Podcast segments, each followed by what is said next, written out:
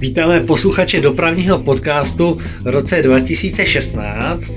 Jak jste si všimli, byla trošku mezera mezi e, naším posledním dílem a dnešním. Je to samozřejmě způsobeno Vánocemi, ale velmi nás těší, že někteří naši stálí posluchači nám psali a ptali se, kdy už bude nový díl, tak e, je to právě teď.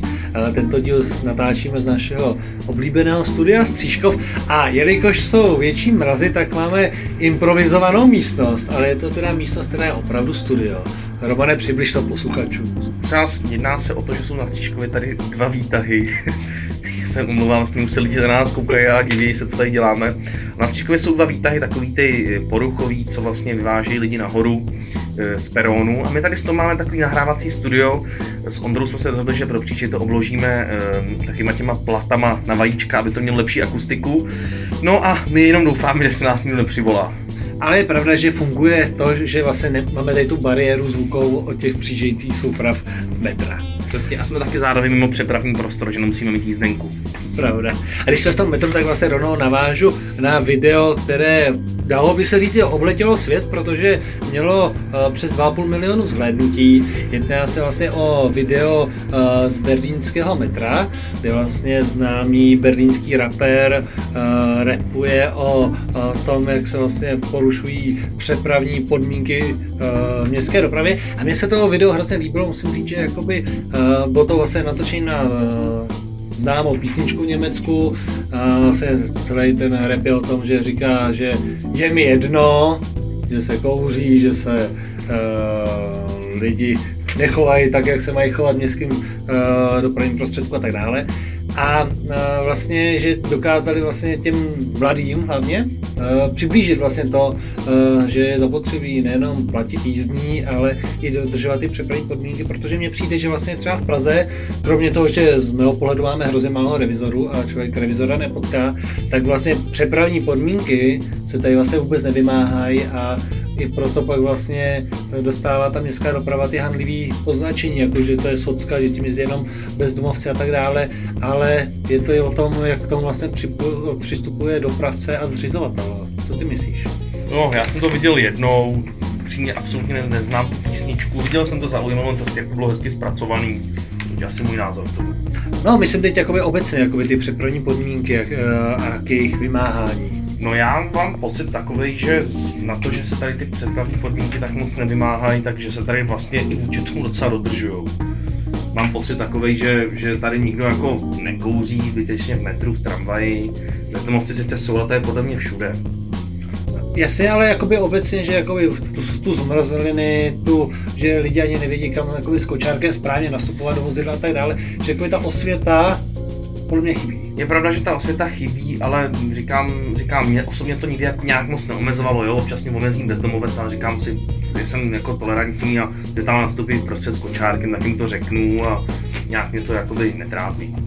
A když ještě zůstaneme eh, v Německu, tak samozřejmě to je taková hezká věc v Düsseldorfu, kde uh, plánují otevřít ten nový tunelový úsek Štarbánu. Uh, sice ho plánují otevřít až za čtvrt roku, ale už dneska uh, vědí obyvatelé Düsseldorfu, uh, jaké bude nové linkové vedení.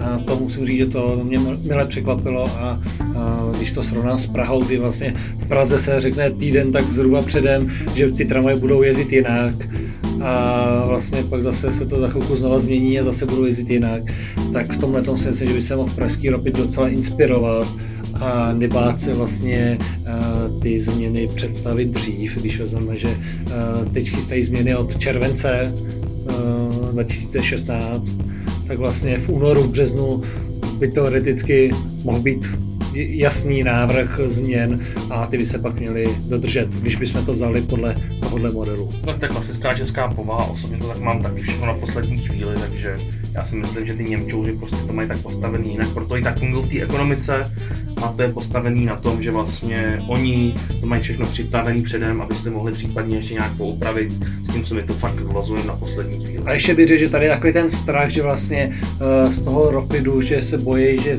ty jejich návrhy ne vždycky jsou úplně správný, a že by mi někdo vlastně rozsypal a ty změny by se pak vlastně neuskutečnily, protože zkrátka oni by si je nedokázali ani odvodit. Hmm, Jinak koukám, tak nám přestal hučet, je tak v nějakém spícím režimu, ale tak nevadí nám to, jsme tady tak jako pod mě, to intimnější, intimnější prostředí.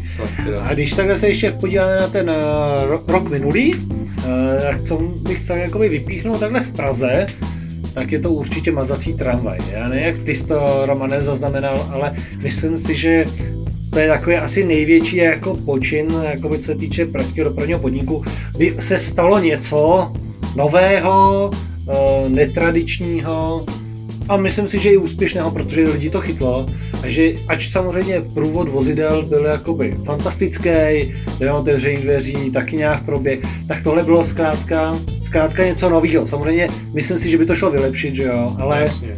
Já že je to fajn. Já mám to takový, samozřejmě dopravní podnik zachovával několik let takzvaný ateismus, to znamená, že Vánoce nějak jako neprojevoval, maximálně tak tady koncert sboru dopravního podniku. My jsme si zaspívali. Jsme si zaspívali to, ale že by byly prostě vyzdobený tramvaj v Bratislavě, to ne. A nejenom v Bratislavě, řekněme, ale všude, že je to jakoby, všude že Budapešť, Budapešť má vyzdobený tramvaj. Jsou desítky. Přesně, jakoby. všechno si, všude mají vyzdobený tramvaj, jenom u nás prostě nic. A tak jakoby super, super, že aspoň ten stromeček se objevil na té mazačce, ale doufám, že příští rok se na té mazačce objeví nějaký obrovský světílka, protože prostě... Mohl by být ten stromek i větší, to je pravda. Větší ten stromek, protože ten stromek podle mě byl koncipovaný, aby byl vidět hlavně na tom videu. Mm, no. mm. Normálně na té tramvaji asi vidět není, ale spíš si myslím, že mohla ta tramvaj být pro příští rok třeba i nějak ozdobená těma světílkama alie, alias Bratislava, T2, alias prostě Budapešť a jejich soupravy historických vozů, by to prostě svítilo na dálku a bylo to hezký, když už teda tu mazačku mají všichni rádi, tak je z toho taková legenda.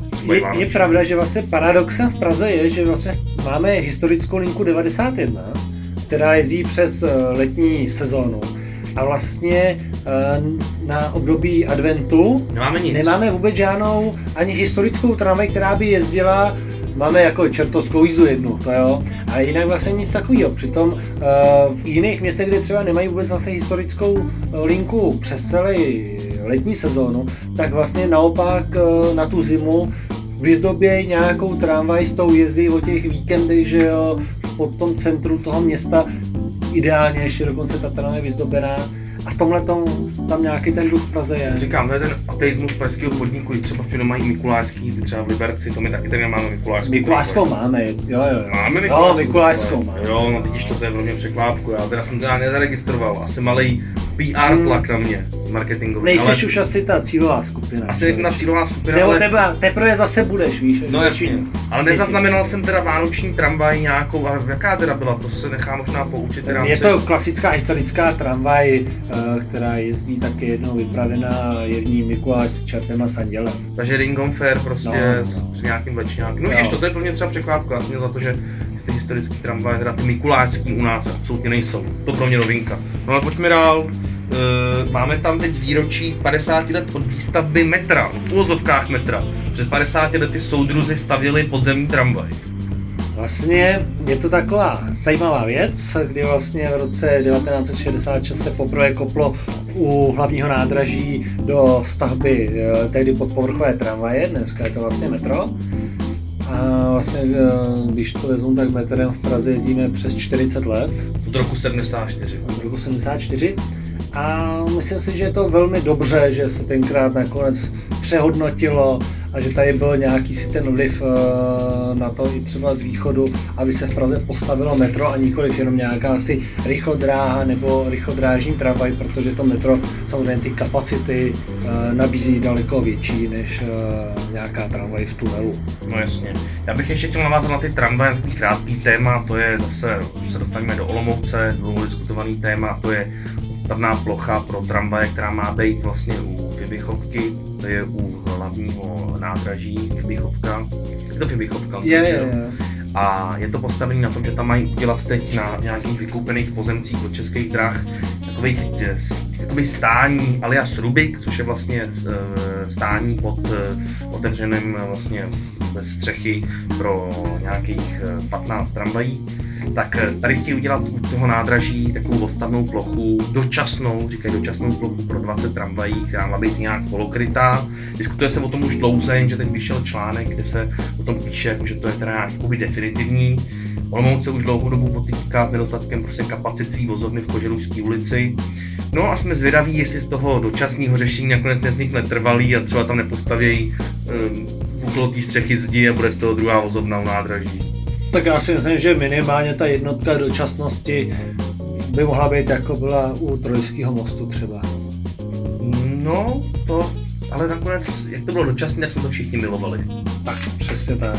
No a aby jsme tentokrát tedy nedělali nějaký úplně 15-minutový nebo dokonce půlhodinový díl na začátku roku, tak vlastně teď ještě připomeneme, že vlastně eh, na webu MHD86 už je nový seznam dopravních akcí pro rok 2016 už tam je těch akcí poměrně dost, eh, na to, že máme teprve leden a eh, seznam se bude dále a dále rozrůstat a samozřejmě na jednotlivé akce, které se budou pak blížit vás, budeme, budeme zvát.